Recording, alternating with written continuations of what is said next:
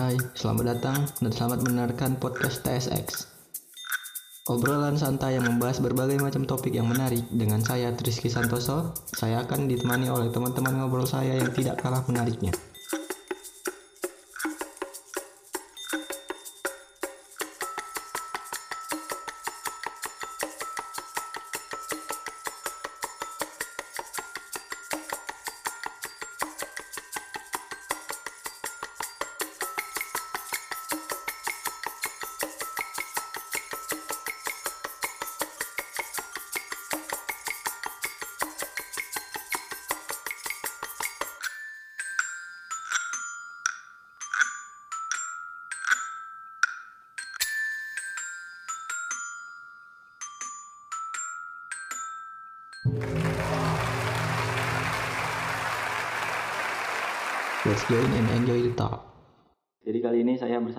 Ari. Jadi Om Ari itu adalah orang yang concern di bidang konservasi alam di hutan dan air.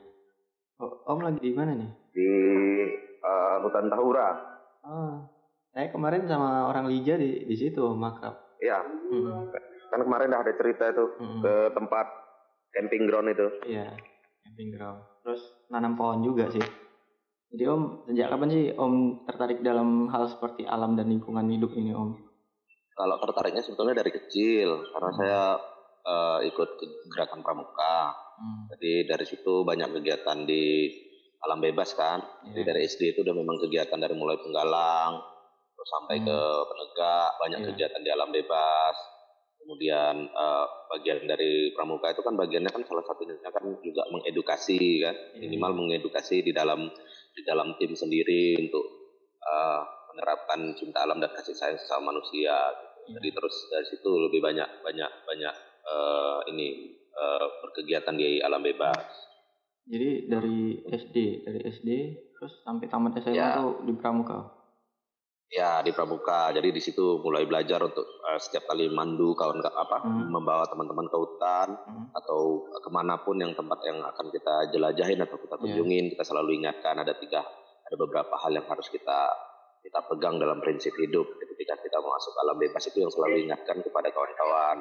Salah satunya umpamanya hmm, tidak meninggalkan apa pun kecuali jejak tidak Ya. mengambil apa pun kecuali gambar atau dokumentasi. Tidak tidak menebang tidak membunuh kecuali dalam keadaan terpaksa dan membela diri. Tidak meninggalkan apa pun Hmm. kecuali kenangan. Jadi dari situ kita terus kita selalu ingatin sama teman-teman. Jadi melakukan ekspedisi ke beberapa puncak-puncak tertinggi di Sumatera dengan teman-teman hal itu yang menjadi pedoman untuk untuk kita berkegiatan gitu. Jadinya kita karena apa kita bilang eh, di keluarga kita selalu diajak selalu dilibatkan dalam kegiatan-kegiatan Iya. sosial akhirnya Iya. kita banyak kegiatan volunteering. Akhirnya eh, saya bervolunteer untuk di salah satu lembaga lah di sahabat orang hutan kemarin kan. Hmm, kemudian dari situlah dari situ saya ambil fokus untuk yang di bagian di pembibitan pembibitan dan penanaman. Dari kegiatan pembibitan penanaman itu akhirnya program punya ada program besar dari lembaga hmm, eh, di Taman Nasional Gunung Leuser. Hmm, jadi eh, saya belajar ke sana. Ya saya terus terang waktu eh, volunteering itu ya enggak tidak ada money oriented. Yang penting saya belajar dan masih bisa eh, mengabdikan jiwa Diri, saja. iya. jiwa saya itu untuk bisa terlibat langsung untuk untuk perbaikan kawasan. Jadi ada 500 hektar yang kita kita restorasi atau kita Hmm. kembalikan fungsinya secara ekologis kan. Kita tanam dengan ber- berbagai tanaman. Akhirnya kesempatan jadi apa jenjang jenjang ini jenjang kerja akhirnya membawa saya untuk menjadi manajer untuk beberapa program-program yang berbasis konservasi dan eh, restorasi kawasan hutan pada pada saat di seperti itu eh, pada saat di hutan gitu kan Om, pas konservasi pernah nggak sih nemu-nemu kayak hewan yang belum pernah yang belum pernah tercatat di, di Indonesia gitu atau yang ter- dia- yang sudah dibilang punah malahan masih ada di hutan itu gitu. kalau kalau hewan tentu karena kita tinggalnya kita model sistem kerja kita kan selalu live in ya artinya tinggal di dalam Iya. kawasan yang sedang kita perbaiki gitu Hmm. kalau contoh untuk hewan terancam punah selama 8 tahun kan saya di Taman Nasional Hmm. Taman Nasional itu uh, yang di tempat lokasi kita itu di Besitang itu justru hmm. merupakan kantongnya gajah Sumatera. Hmm. Nah, gajah Sumatera ini kan juga terancam punah. Jadi kita hmm. uh, selalu berjumpa dengan gajah. Kemudian akhirnya uh, di data di program restorasi dataran tinggi justru hmm. kita menemukan yang uh, reptil yang sudah sudah dicatat di 1839 itu hmm. sudah terus kemudian tidak ditemukan lagi catatan-catatan berikutnya hmm. uh, spesimen satu-satunya itu ada di Prancis, bahkan Indonesia belum punya. Hmm. Cuma ada sketsa dalam buku yang masih berbahasa Jerman. Hmm. Kita temukan di sini itu pertama kali 2016 eh, kita temukan. 2016 kita masyarakat uh, yang pernah ikut saya untuk apa uh, penelitian untuk mendata hmm. jenis-jenis reptil, hmm. amfibia gitu kan. Hmm. Tiba-tiba dia temukan gitu kan. Terus dia bilang, "Bang, saya bukan inilah bang, uh, nanti saya bawa ke rumah bang. Jadi dia hmm. bawa lah kan. Tapi hmm. kondisinya itu kondisi bangkai. Dia masukkan oh. dalam dalam botol terus dia kondisi bangkai. Hmm. Terus saya tengok uh, ini memang belum pernah kita jumpa gitu bentuknya. Terus saya saya saya iniin, saya foto, kemudian saya hmm. kirim ke teman-teman yang uh, memang di komunitas komunitas yeah. reptil lah kan. Hmm. Nah, jadi saya kirim teman-teman ini jenis apa ya kita nemuin ini di di sini gitu kan. Terus hmm. terus slow respon mereka semua. Jadi sudah seminggu kemudian terus mereka bilang bang selamat ya ini ini yang uh, sudah dinyatakan punah gitu tapi sayangnya catat tahun ya, 89 tapi sayangnya udah dalam dalam keadaan mati gitu dong Iya, walaupun hmm. dalam keadaan mati, tapi kan paling tidak ini menjadi ya, catatan, catatan catatan penting gitu kan. Ya. Jadi, bang, ada spesimen ada lagi nggak? Aduh, udah ini hmm. kondisi bang bang bangki gitu, nggak hmm. bisa kita iniin. Berada nggak apa-apa. Terakhir, kawan-kawan ini ngontak saya bang kita mau uh, lebih dalam deh cari ini gitu ya udah kita sama-sama hmm. uh, bergerak kan masuk ke ini kan masuk ke hutan. dalam hutan yeah. untuk sama-sama cari lah kan nggak ada kita temukan nggak ada kita temukan terakhir kita ketemu lagi dalam beberapa tahun ini kita ketemu lagi hmm. secara nggak sengaja yeah. terus ketemu lagi secara nggak sengaja terus ber, uh, secara berturut-turut turut kita selalu ketemu tan dalam kondisi yang tidak sengaja kita ketemu hmm. dia nah, untuk jenisnya itu uh, kadal bercula. Itu dalam dalam uh, bahasa Latinnya itu Herpesaurus mondigliani sama ada satu lagi Herpesaurus juga pasian. Jadi dua-dua Herpesaurus ini yang satu harusnya adanya di Jawa, satu harusnya ada di Sumatera, tapi dua-dua kita temukan di sini gitu.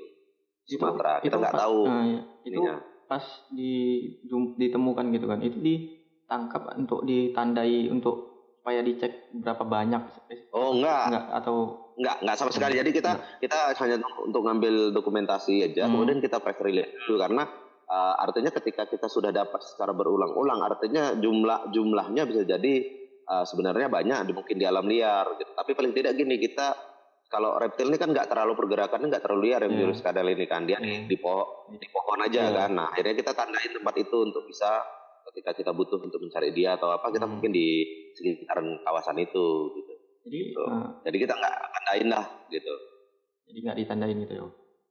Nggak, tapi lokasi yang kita temuan temuan kita iya. di beberapa tempat ini semuanya kita tandain sebagai uh, daerah temuan awal. Sehingga hmm. kalaupun kita melakukan riset kita justru khawatir gini ketika kita kita juga nggak mau ekspos ya. Artinya hmm. ekspos terlalu berlebihan. Kenapa?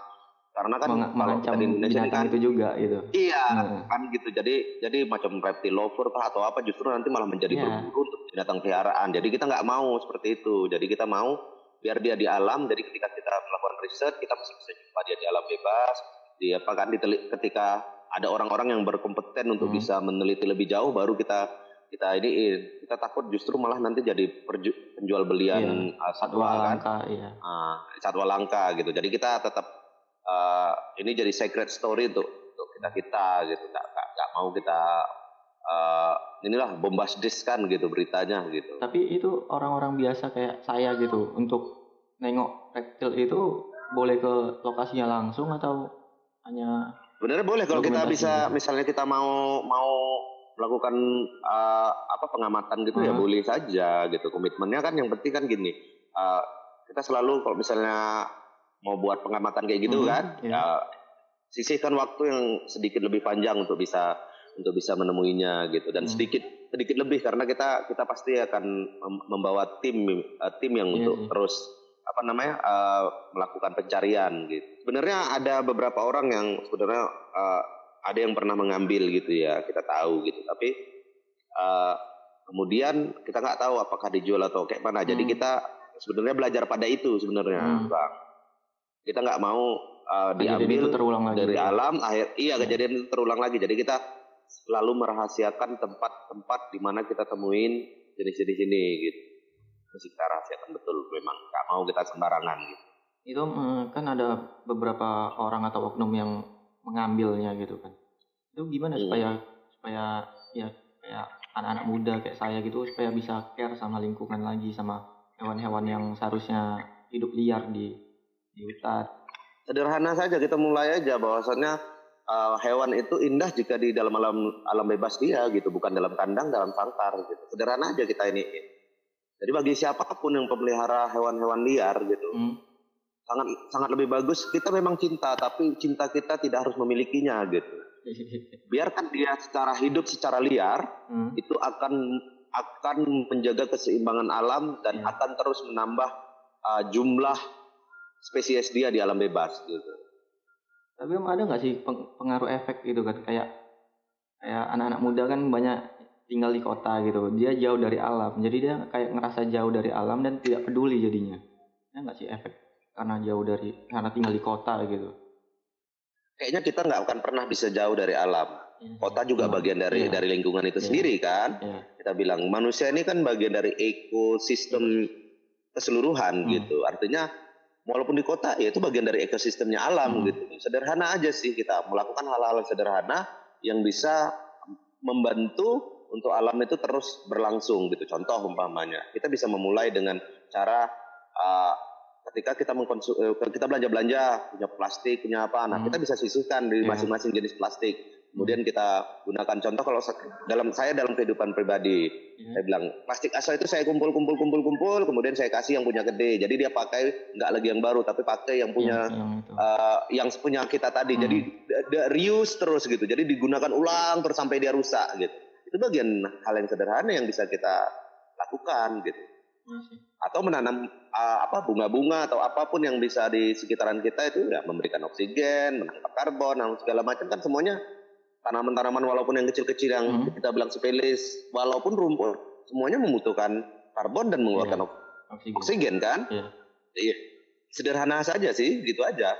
Oh, jangan jangan merasa diri kita jauh deh dengan Alam. dengan lingkungan. Padahal hmm. kota itu bagian dari ekosistem kita yeah. sendiri gitu ya nggak bisa dipisahkan gitu kalau om gitu kan ngelihat kayak saya kan juga pernah ikut kayak nanam pohon gitu kegiatan nanam pohon terus hanya di kegiatan itu aja terus nggak nggak di nggak dilihat-lihat lagi gitu itu menurut sudut pandang om gimana sih om lihat kegiatan yang kayak ya, gitu ya sah-sah saja karena hmm. kan uh, interestingnya orang kan beda-beda yeah. nah uh, di, jadi setiap Eh, pasti program kan juga punya komitmen untuk memelihara hmm. apa yang ditanam orang lain yang pernah hmm. melakukan penanaman di sini. Bagi kita itu adalah kalau kita lah sendiri, ya orang yang menanam itu bagian walaupun dia nggak memberikan apa pun, tapi hmm. dia dia adalah yang mengadopsi pohon itu gitu. Nah, hmm. kita punya tanggung jawab untuk memelihara dia terus supaya tetap hidup, supaya besar, memberi manfaat bagi orang banyak dan segala macam akan mungkin akan lebih bagus ke depan ya mungkin dengan komunitas-komunitas hmm. datang lagi yuk kemarin aku ada nanam di sana yuk kita buat kegiatan sekali-sekali yang bisa membangkitkan semangat uh, kita yeah. untuk untuk belajar pada alam lagi hmm. guru terbaik kita kan siapa hmm. alam, alam gitu istilah orang Minang yang apa alam takambang menjadi guru itu bukan isapan jempol tapi memang hmm. belajarlah pada alam karena apa apa pun kehidupan kita sampai saat ini masih memerlukan alam tempat kita bergantung untuk banyak hal, obat-obatan, makanan, uh, oksigen, air, semua itu hmm. berada di alam itu gitu. Jadi ya hal-hal sederhana saja yang bisa kita lakukan, kemudian ajak orang lain, pengaruhin orang lain untuk melakukan yang sama kayak kita. Pengaruhin semakin banyak, semakin banyak, semakin banyak, akhirnya akan menjadi gerakan yang setiap yang orang bisa menjadi sadar yeah. bahwasannya iya menjadi menjadi kegerakan gerakan kesadaran hmm. bahwasannya ya menanam pohon punya manfaat yang baik, punya efek positif hmm. dan menjadikan uh, apa kayak, kayak gaya hidup kayak gitu. Ada bayangan nggak sih om kayak ya. misalnya kasus yang benar-benar terjadi atau yang akan terjadi kayak bikin om tuh ah gila ternyata alam tuh kayak pohon-pohon pada hutan-hutan gitu kan khususnya kayak udah gundul atau gimana gitu yang yang benar-benar terjadi sekarang gitu atau yang prediksi Om, prediksi Om uh, beberapa tahun ke depan gitu. Sudah banyak efek-efek nyata itu kayak pemanasan global hmm. itu bukan isapan jempol hmm. ya. Bayangin aja di di atas ketinggian yang harusnya pohon mangga itu tidak menghasilkan buah hmm. sekarang itu hmm. justru daerah Kutarayat di daerah Karo hmm. justru sudah ada mangga yang berbuah artinya panas yeah. tingkat panas yang di sana itu sudah sudah berubah gitu yeah. kenapa mangga yang tadinya tidak pernah bertahun-tahun sekarang bisa berbuah berarti ada sebuah perubahan dalam cuaca dalam iklim gitu nah ini kan menjadi guru yeah. menjadi teguran bagi kita bahwasannya harusnya mangga mangga itu tanaman dataran rendah sampai sedang. Harusnya dia nggak bisa di dataran tinggi hmm. gitu. Nah ketika dia berubah berarti ada sebuah perubahan yang tidak kita sadari gitu ke depan. Belum lagi yang macam di berita-berita ada hmm. longsor, ada yeah. apa. Iya. Memang secara alami kita bilang banyak bumi, juga bumi daerah yang emang, tidak ada gundulnya. Iya. Bumi juga emang udah, gitu. udah tua juga ini dengan Iya walaupun dengan tetap tetap tetap perlu kita walaupun kita bilang tua lambat la, lambat laun kita kan nggak bisa me, apa kita bilang kerusakan itu memang nggak bisa kita cegah iya. tapi kita bisa perlambat gitu iya memperlambatnya aja hmm. gitu kalau kehancuran pasti hmm. janji itu udah udah sebuah kepastian tapi kita berusaha memperlambat semuanya itu hancur karena ulah tangan kita gitu loh Eh, predator terbesarnya eh, apa? Manusia. Selain manusia gitu. Predator terbesar dari semua makhluk. Ikan hiu kita bilang, wah predator terbesar di alam, tiger, predator terbesar. Salah. Predator terbesarnya adalah manusia, karena manusia makan apa aja. Seandainya meja itu hidup, bisa dimakan, mungkin meja juga dia makan gitu. Kapal selam pun Semua yang bisa... kaki bisa dimakan. Kapal, ah, kapal selam kalau bisa dimakan, bisa dimakan. Dia makan gitu. ada perburuan paus, yeah. perburuan sirip hiu dan segala macam. Siapa yang melakukan? Manusia yeah. gitu. Om kan juga uh, concern di lahan apa, hutan gambut kan Om di Riau kan. Iya. Hmm, itu gimana sih hutan di Riau sekarang dengan kondisi yang mungkin tiap tahun ada pembakaran lahan atau pembukaan lahan gitu. Nah itu dia yang sedang kita proteksi. Hmm. Uh, Indonesia itu negara kepulauan dan banyak memiliki uh, lahan-lahan gambut ya. Hmm. Uh, hanya saja terkadang kita, sekali lagi mungkin rasa keserakahan kita tanam hmm. lahan gambut kan diperuntukkan tak akan sawit. mungkin bagus untuk tanaman sawit. Yeah. Ekspansi sawit besar-besaran karena harga sawit hmm. lumayan. Akhirnya orang merubah semua perilaku hidup, terutama hmm. untuk budidaya. Semua orang merubah termasuk lahan gambut untuk hmm. untuk lahan lahan sawit gitu ya. Dan dalam pembersihan masyarakat sebagian masyarakat masih menggunakan api, belum lagi perusahaan hmm. ya. Kalau udah perusahaan memakai tenaga kerja masyarakat, kemudian juga melakukan pembakaran gitu, terus hmm.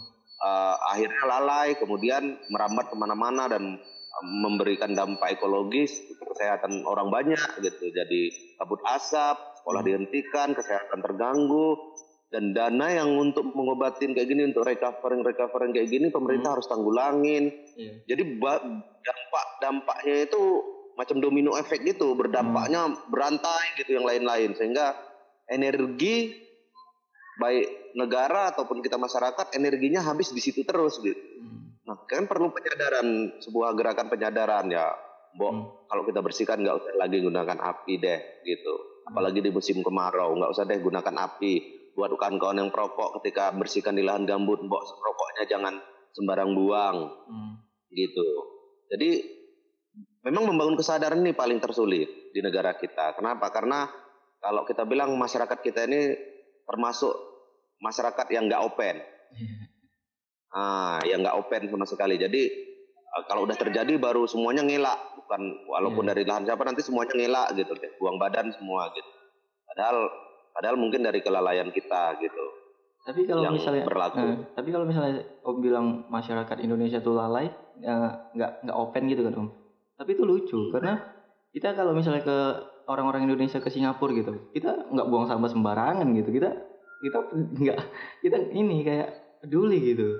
Cuman kalau kalau di sini aja kayak suka-suka gitu. Iya, karena meng menghormatin menghormatin iya, banyak orang lain gitu. Iya. Tapi di punya di negara sendiri kita nggak nggak kita yeah. nggak kita hormati hmm. kan kemudian penegakan hukum juga lemah kan yeah. jadi memang complicated kita hmm. bilang ini semuanya udah kok kita bilang kronis lah kan kita membangun kesadaran tuh nggak yeah. nggak sebentar berapa banyak orang yang uh, pragmatis untuk ininya kan nggak hmm. nggak nggak sebenarnya paham secara teorinya secara praktiknya hmm. paham tapi tidak mau melakukan, itu karena apa ya gengsi ada banyak hmm. juga gengsi gitu artinya kayak belajar juga gitu. Hmm. Kalau ada orang yang belajar bahasa Inggris, kalau dia pakai bahasa Inggris nanti langsung dibilang yeah. baru makan kangkung sama ubi dia bisa pakai bahasa Inggrisnya. Yeah. Hal-hal yang kayak gini dari masyarakat itu itu kadang-kadang yang membuat mempengaruhi di psikologinya kita hmm. untuk tidak mempraktikkan hal-hal yang yang bersifat untuk untuk proteksi yang lebih lebih luas gitu, yeah. memulainya dari diri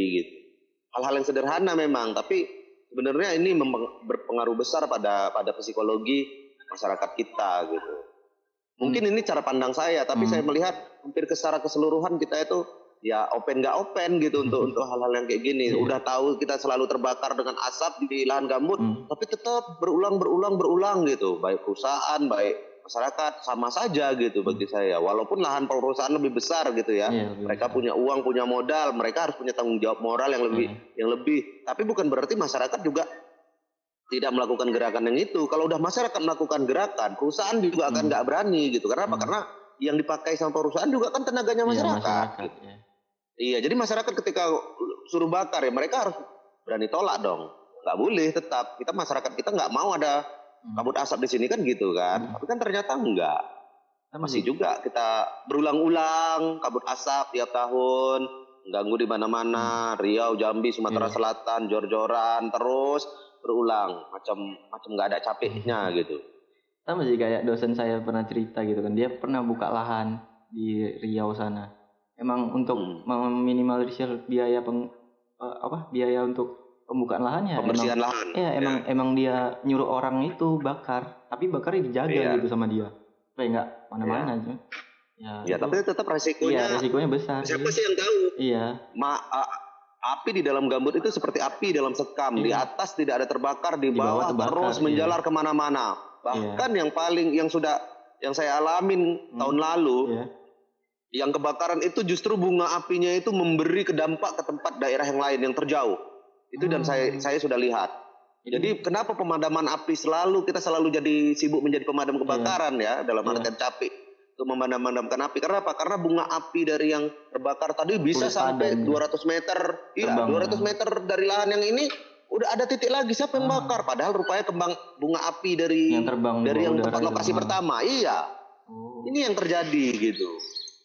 Siapa yang bisa tahu? Bisa iya. siapa yang bisa tanggung jawabannya menjamin bahwasannya bunga api yang dari kebakaran ini tidak menyerempet ke mana-mana, iya, tidak berpindah ke mana-mana gitu. Mm -hmm. Gak ada kan? Nah ini yang perlu kita bangun bahwasannya ya kalau mau bersihkan ya monggo dibersihkan, hmm. tapi jangan gunakan api. Bo, apa salahnya digunakan itu jadikan kompos kayak iya. apa yeah. kayak dirubah banyak kok teknologi atau uh, hal-hal uh, yang sederhana yang bisa kita buat untuk jadi dirubah jadi apa gitu. Cuma memang dalam artian penggunaan tenaga sama biaya, biaya akan, lebih besar. akan lebih sedikit terkuras yeah. ya. Bukan lebih besar pun ya enggak juga, tapi hmm. sedikit lebih banyak aja hmm. gitu. Enggak terlalu banyak kali ya enggak. Tapi ya paling tidaknya ya kita memulai segala sesuatu jangan deh dengan dengan api nggak bisa kita kita tanggulangin kalau udah terbakar biaya yang kita keluarin itu lebih besar pemadaman api daripada untuk menjaga api itu nggak ada gitu itu menjual lahan kayak hutan gitu kan ke industri dan lain-lain itu sebenarnya seberapa besar sih merusak alam ya, atau itu udah apanya pemerintah ya pemberian hmm. izin ya HGU hmm. hak guna usaha itu memang itu hak prerogatif uh, pemerintah. pemerintah. Mungkin sekarang uh, mungkin sekarang pemerintah juga mulai mengecilin pemerintah daerah hmm. tidak lagi bisa memberi izin gitu kan. Itu bagian dari dari apa ya mengurangi resiko-resiko kayak gini. Tapi paling tidak kalau namanya perubah alam, hutan hmm. alam dijual untuk kepentingan untuk kebun sawit kah, hmm, hutan yeah. akasia kah atau apa pun itu, ya pasti akan merubah ekologi itu sendiri gitu. Hmm. Maupun kita kata mau oh, sawit kan juga menyerap karbon, ngasih hmm. oksigen juga, tapi akan berbeda untuk uh, dengan tanaman kayu alam yang sudah hmm. diciptakan yang maha kuasa. Yeah. Yang maha kuasa itu sangat memahami apa yang kita butuhkan, bukan apa yang kita mau. Yeah. Gitu. Kita coba sadarin deh di situ. Kalau dibilang kayak gitu sih, kayak kita tuh hanya mengambil manfaat dari aturan yang sudah diciptakan sama yang maha kuasa sih sebenarnya. Ya memang kita nggak bisa lepas daripada itu mm -hmm. karena kita punya kebutuhan ya. Mm -hmm. Pemain apa perkebunan akhirnya menyerap tenaga kerja yang banyak mm -hmm. untuk pergerakan ekonomi tapi paling tidak paling tidak begini, uh, yang perubahan yang terjadi saat ini kan banyak kayak gini. Umpama contoh sawit, hmm. sawit uh, harga sawit kondisi kayak gini masyarakat itu Turun tidak lagi menggunakan iya. otak bang. Mohon iya. maaf saya bilang kayak gini. Uh. masyarakat itu tidak lagi melihat meng, uh, tidak lagi menggunakan otak tapi menggunakan dengan mata. Kalau ditengoknya yang punya ladang sawit bisa beli mobil sawah dia dia ganti dengan sawit. Iya, itu yang iya, terjadi. iya, iya. jadi masyarakat melihat oh si toki sawit tadi yang punya sawit tadi bisa beli mobil. Aku hmm. bersawah bertahun-tahun nggak bisa beli mobil. Jadi berarti aku harus tanam sawit untuk bisa beli mobil. Karena apa? Karena itu tadi tidak pernah merasa cukup. Hmm, yang manusia pernah cukup padahal dalam Iya, padahal dalam doa-doa kita kita abang mungkin pun nggak pernah berdoa ya Allah jadikan aku orang kaya nggak pernah. Tapi ya Allah cukupkan rezekiku dalam artian cukup untuk makan kita cukup, mau pergi ke sana cukup, mau pergi ke sini juga bisa, mau jalannya seperti itu gitu, hmm. sederhana aja gitu. Tapi kan enggak. Sekarang ini semuanya hedon. Keinginan lebih tinggi daripada yeah. kemampuan gitu, tidak mengukur lagi itu. Jadi hmm. akhirnya yang sawah-sawah banyak kasus sawah itu dirubah ditinggikan kemudian yeah, ditanamin kebun. sawit. Yeah. Akhirnya kita nggak pernah pernah bisa ber, apa menjadi swasembada pangan, uh -huh. hidup mandiri untuk pangan kita sendiri nggak akan pernah. Jadi kita panen sawit untuk beli beras. Iya. Malahan Bodoh bisa, kayaknya sepertinya gitu. Malahan kan ah, seharusnya sebelum menanam sawit mereka tanam beras bisa ngambil sendiri gitu kan.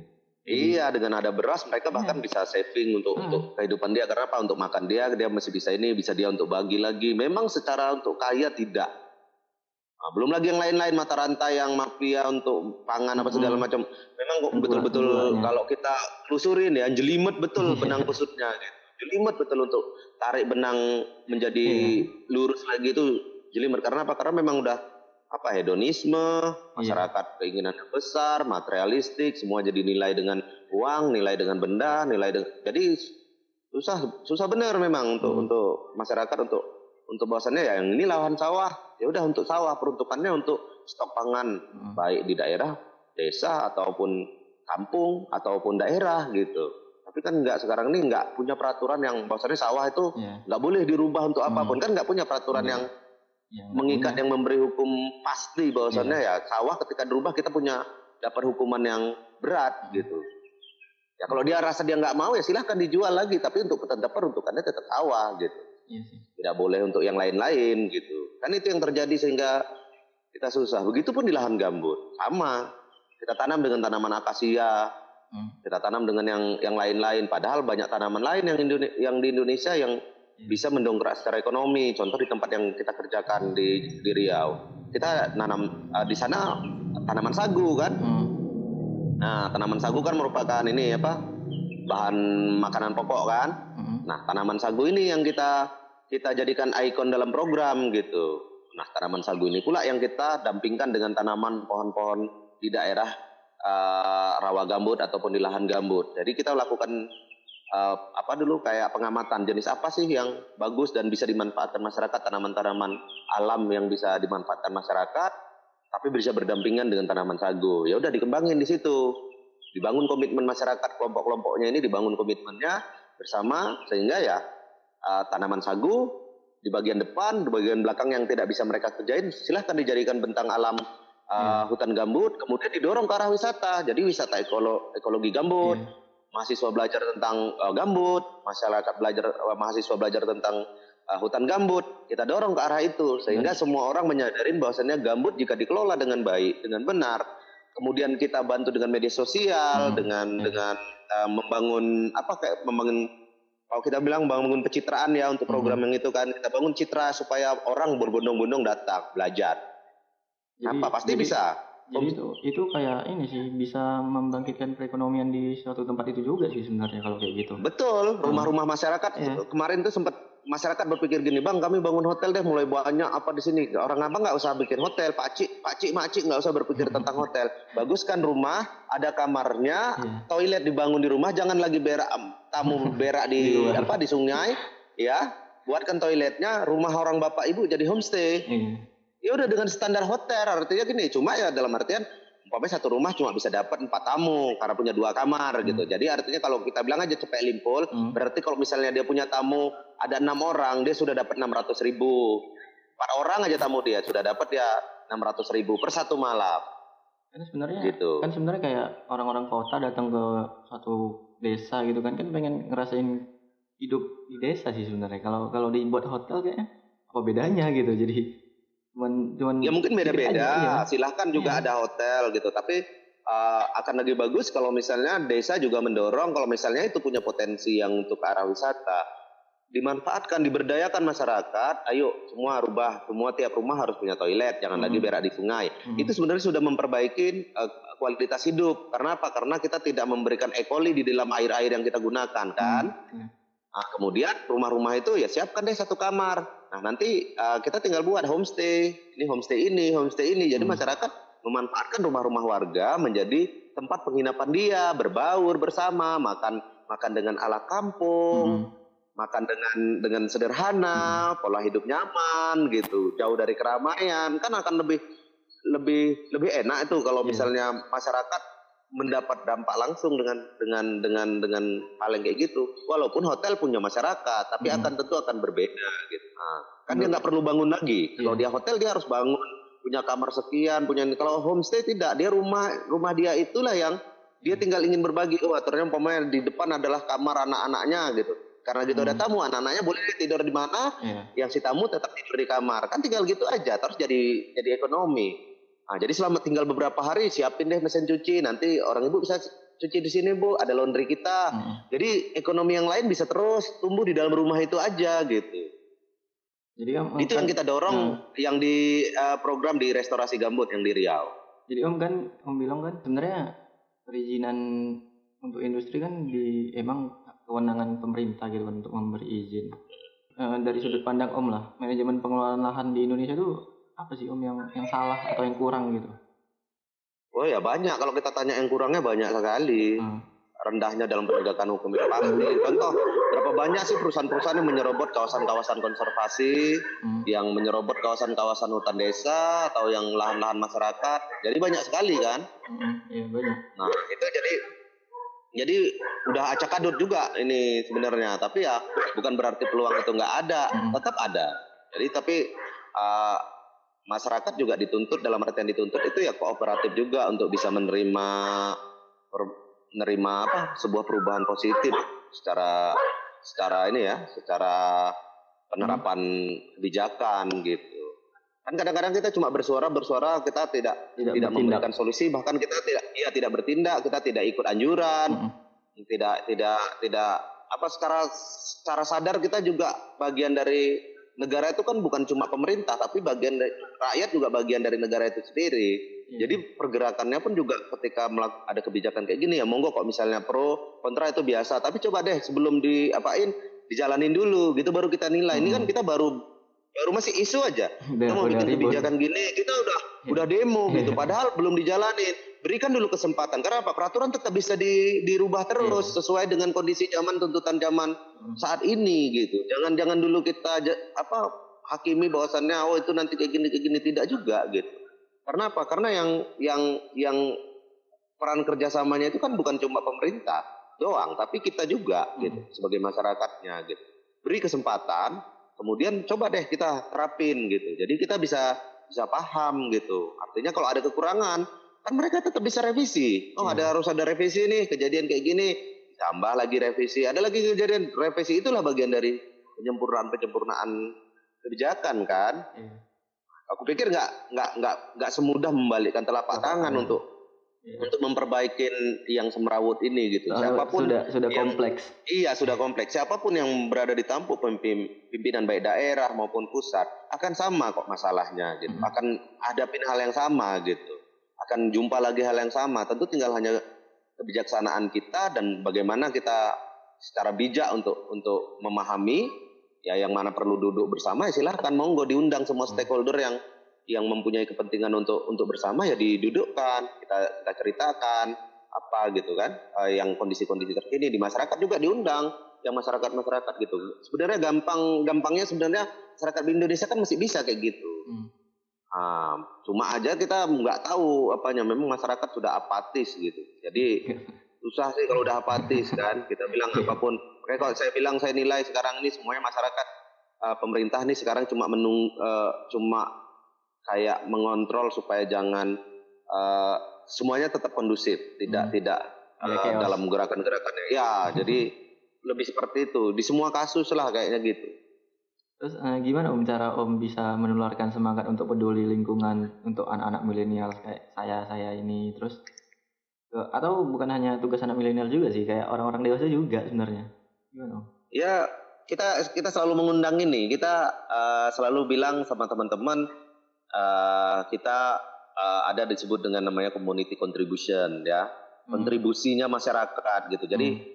Uh, masyarakat itu punya kontribusi terhadap lingkungan dia sendiri gitu hal-hal hmm. yang sederhana nah kita bisa melalui media sosial siapa pun hmm. yang mau datang boleh kontak kita ada lesson kontak kita nanti boleh belajar ini bagi belajar ini hmm. belajar ini kalaupun ada budget yang diserahkan itu bukan bukan merupakan apa tapi lebih kepada untuk memperbaiki terus manajemen supaya ke arah yang lebih profesional hmm. pada orang-orang yang yang ingin uh, menggerakkan ekonomi-ekonomi kreatif di bidang-bidang hmm. yang kayak gini gitu kan kita dorong harus dia juga bukan cuma jadi gerakan sosial tapi menjadi gerakan ekonomi secara hmm, iya. berkelanjutan iya. gitu di sektor wisata.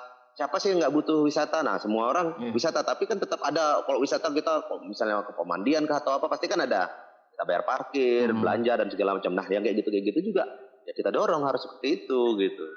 Jadi siapa aja kita eh, ya monggo ayo datang gitu. Kita selalu posting di media sosial ya ini ada kegiatan hmm. kayak gini. Nah, sampai sekarang ini memang yang paling banyak ikut dalam kegiatan-kegiatan ini mahasiswa-mahasiswa dari Singapura. Hmm ikut sama uh, setiap tahun ada melakukan berkegiatan 14 hari, 15 hari, belajar di alam bebas.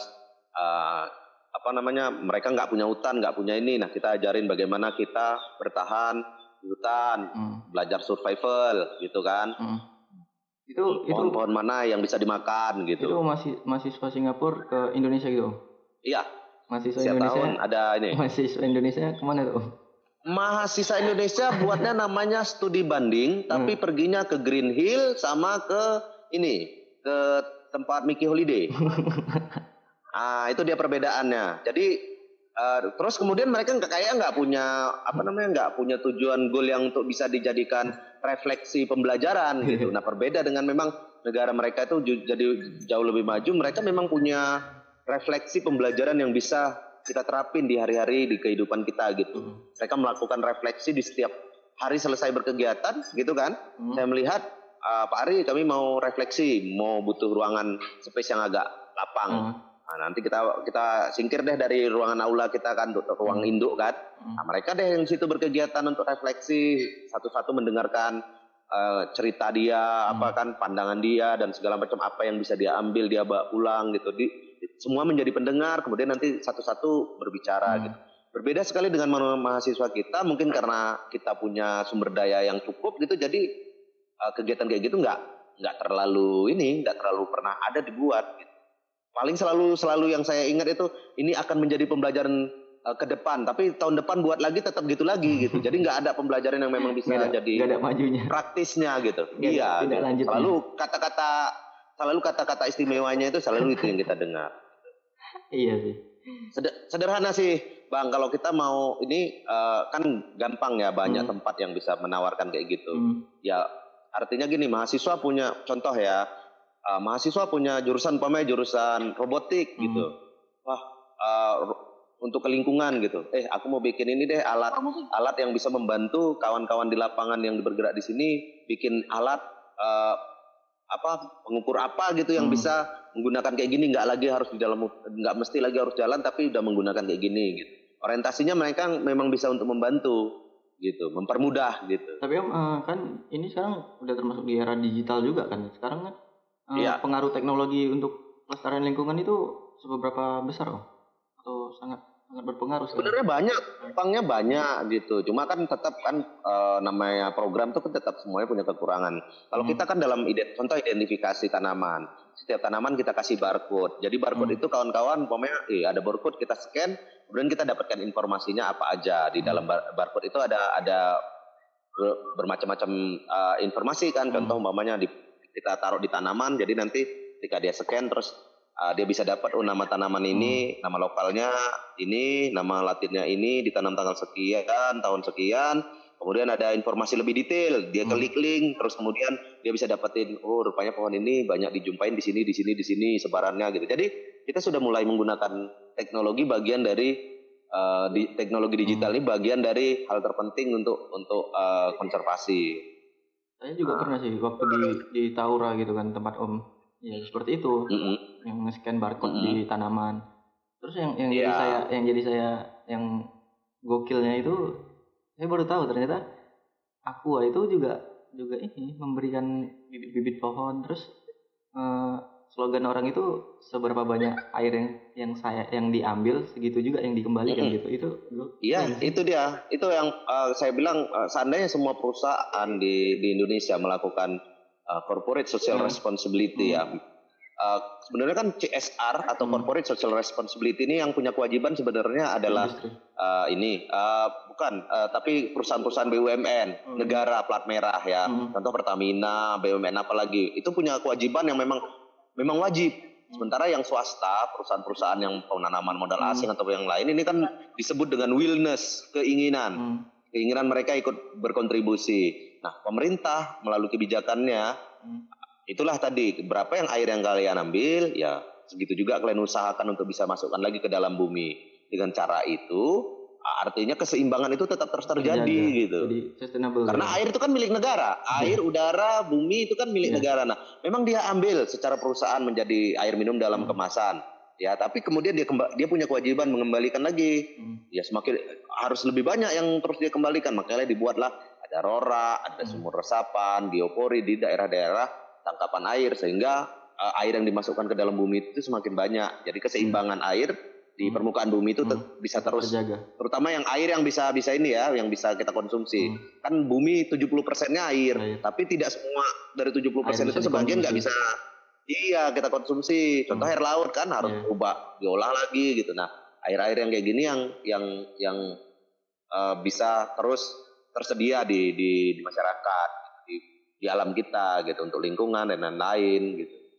Hmm, kan di akhir-akhir ini kan banyak kayak negara-negara yang lockdown yang kalau di Indonesia tuh PSBB gitu kan om apa sih dampak dampaknya bagi hewan gitu om atau atau hutan atau lingkungan gitu om?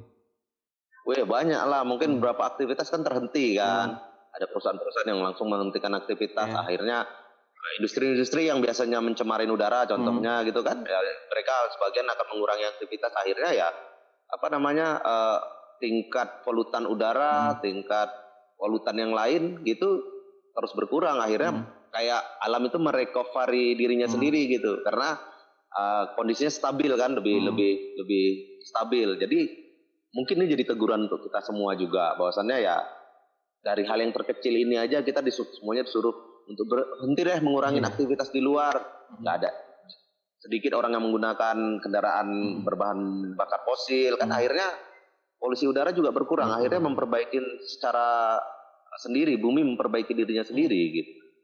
Dan, Jadi ya hmm, dan, belajarlah kita hmm. dari situ gitu.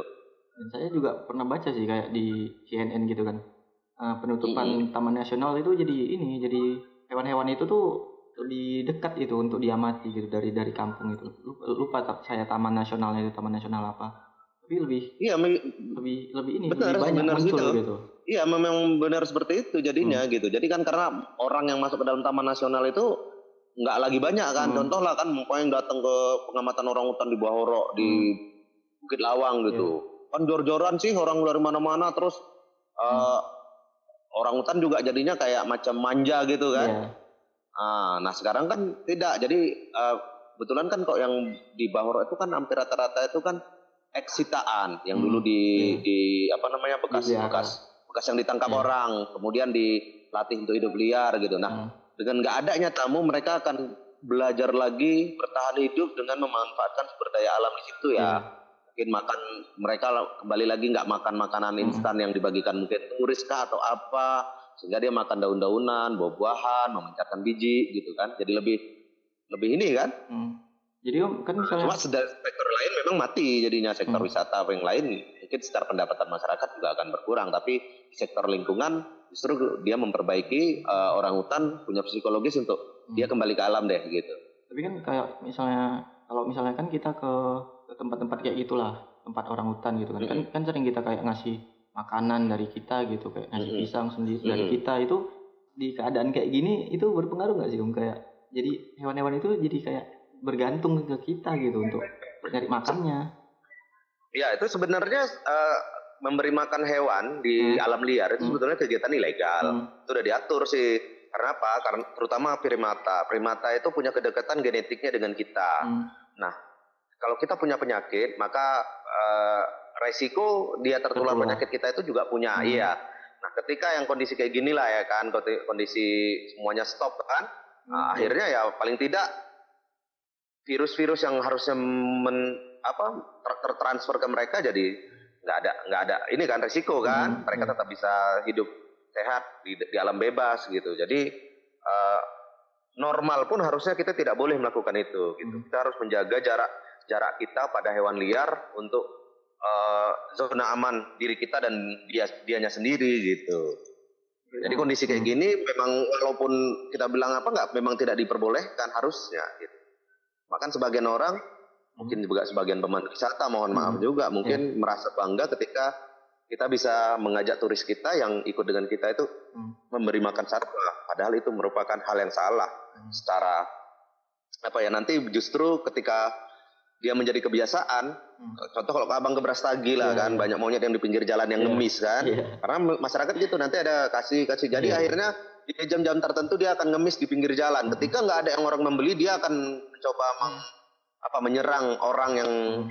lewat gitu yang berkendara kan banyak kejadian yeah. yang orang jatuh gara-gara dikejar-kejar monyet apa segala macam. Begitu juga di alam bebas kan berapa banyak juga yang di Bahorok itu juga yang yeah. akhirnya tas-tasnya apa tamu itu justru diambil naik dibawa naik ke atas pohon sama orang hutan dibongkarin hmm. apa segala macam kan justru membahayakan kan nah, mungkin saatnya sekarang kita harus merubah deh nggak usah deh buat kayak gitu gitu jadi hewan juga akan merubah kan nggak ada lagi tamu kunjungan dia akan yeah. makan makanan semua yang disediakan oleh yeah. alam yang untuk dirinya kan yang hmm. tadinya nggak mau dia konsumsi karena ada orang-orang yang datang ngasih semangka ngasih timun ngasih pisang ngasih buah-buah yang lain kan. Padahal di dalam hmm. hutan itu mungkin nggak akan mereka temuin. Sama sekali timun semangka itu nggak ada dalam hutan hmm. gitu. Nah, akhirnya kan nggak menjadi resiko untuk mereka gitu.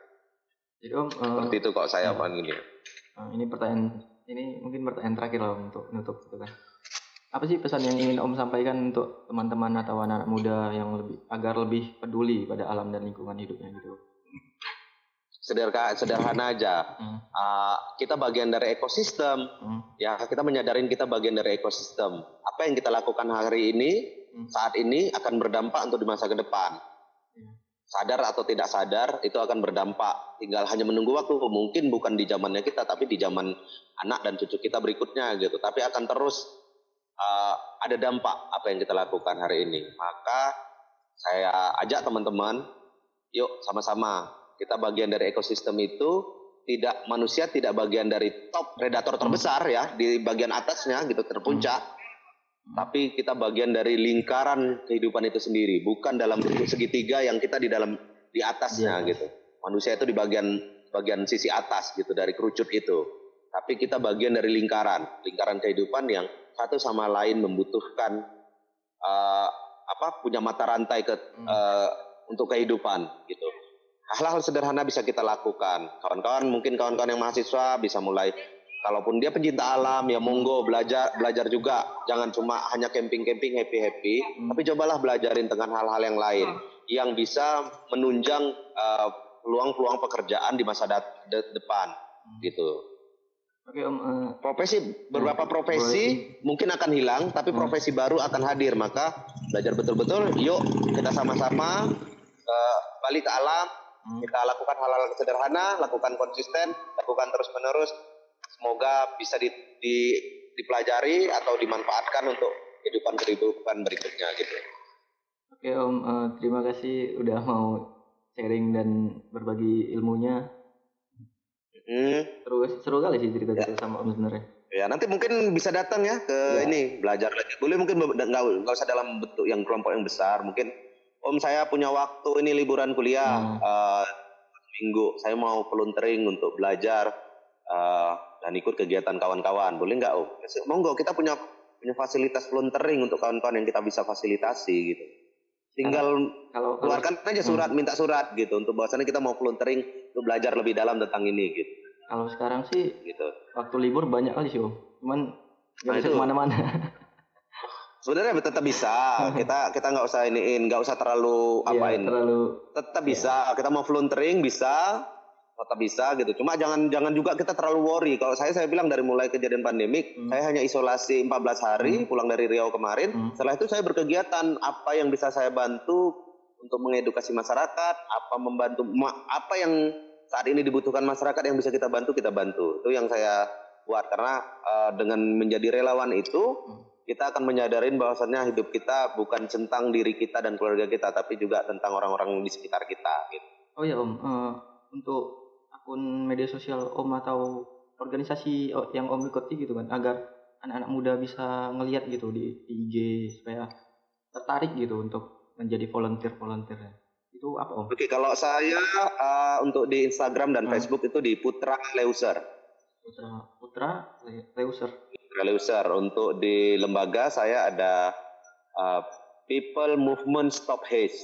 Kemudian ada Source of Indonesia boleh searching deh source hmm. of Indonesia sumber daya sumber daya Indonesia hmm. nah nanti boleh cek di situ teman-teman mungkin bisa uh, ini kan melihat dulu kemudian hmm. yang kalau tertarik untuk jadi volunteering ya monggo kami nggak bisa banyak tapi paling tidak memberikan kesempatan kepada orang-orang muda untuk meningkatkan kualitasnya mengikuti dunia kerja terutama di bidang konservasi pemberdayaan masyarakat dan uh, uh, kesehatan. Kegiatan, seperti itu. kegiatan yang dekat yang akan Om lakukan itu apa? Bersama Kalau dalam waktu dekat ini nanti bersama teman-teman Soi hmm. dan uh, bersama teman-teman Danon itu kita mau uh, launchingin kegiatan posyandu bergerak karena kan hmm. orang udah nggak bisa keluar. Yeah. Jadi kita anak-anak anak kecil tetap harus kita proteksi, yeah. orang-orang hamil kita sadarkan untuk jangan sampai jadi stunting. Hmm. Ya, kemudian jadi harus ada pergerakan yang keluar untuk dalam artian dari rumah ke rumah kita untuk kegiatan mem, apa edukasi cuci tangan pakai sabun, hmm. kalau keluar rumah pakai masker,